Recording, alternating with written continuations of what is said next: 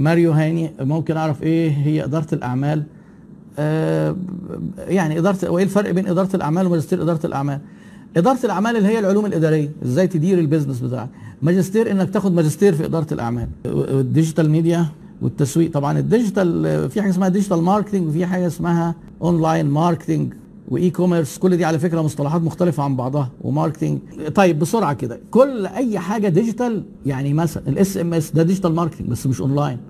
ال digital signs اللي في الشوارع ده digital بس مش online. ال online marketing اللي أنا بقى أدخل على ال social media وجوجل وجوجل آدز ويوتيوب وأعمل website. طب ال e-commerce إن أنا أعمل موقع أبيع من عليه.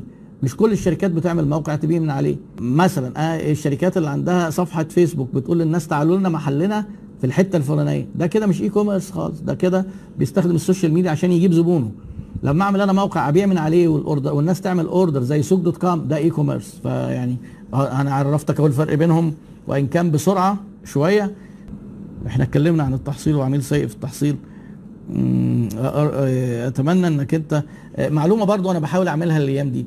الفيديو اللي هو ال live ده دلوقتي ساعة ونص بحوله لخمس ست فيديوهات حسب المساحة يعني أو حسب الموضوعات وبنزله على اليوتيوب. وبادئ أعمل حاجة وطلبت ناس تساعدني وفي ناس مشكورة كتير بعتوا لي وبدأوا يساعدونا فيساعدوني فعلا إن إن أنا هحط الفيديو على اليوتيوب. لو ما تفتح حركة ال description هتلاقيني أنا ممكن مثلا بجاوب على سبع ثمان أسئلة في خلال الفيديو الربع ساعة موضوعات مختلفة وملهاش علاقة ببعض. انت حضرتك مهتم بموضوع منهم. هتلاقي في ال description كده هتلاقي فيه link مثلا مكتوب الدقيقة 2 35 ثانية لونها أزرق كده تدوس عليها بالماوس يقوم مدخلك على الدقيقة 2 35 لأن جنبها مكتوب مثلا سؤال معين انت مهتم بيه.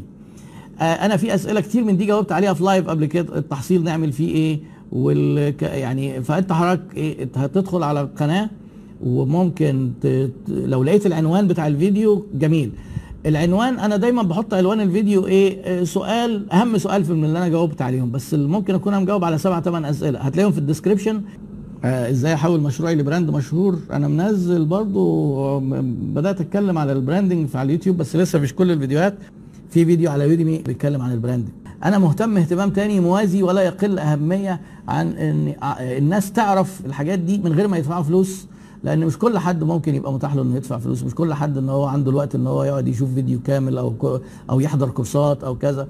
إحنا بعيد جدا.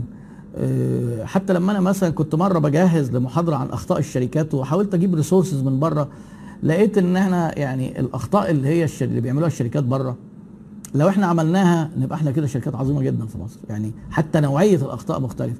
ليه؟ لأن الثقافة الإدارية ضعيفة جدا.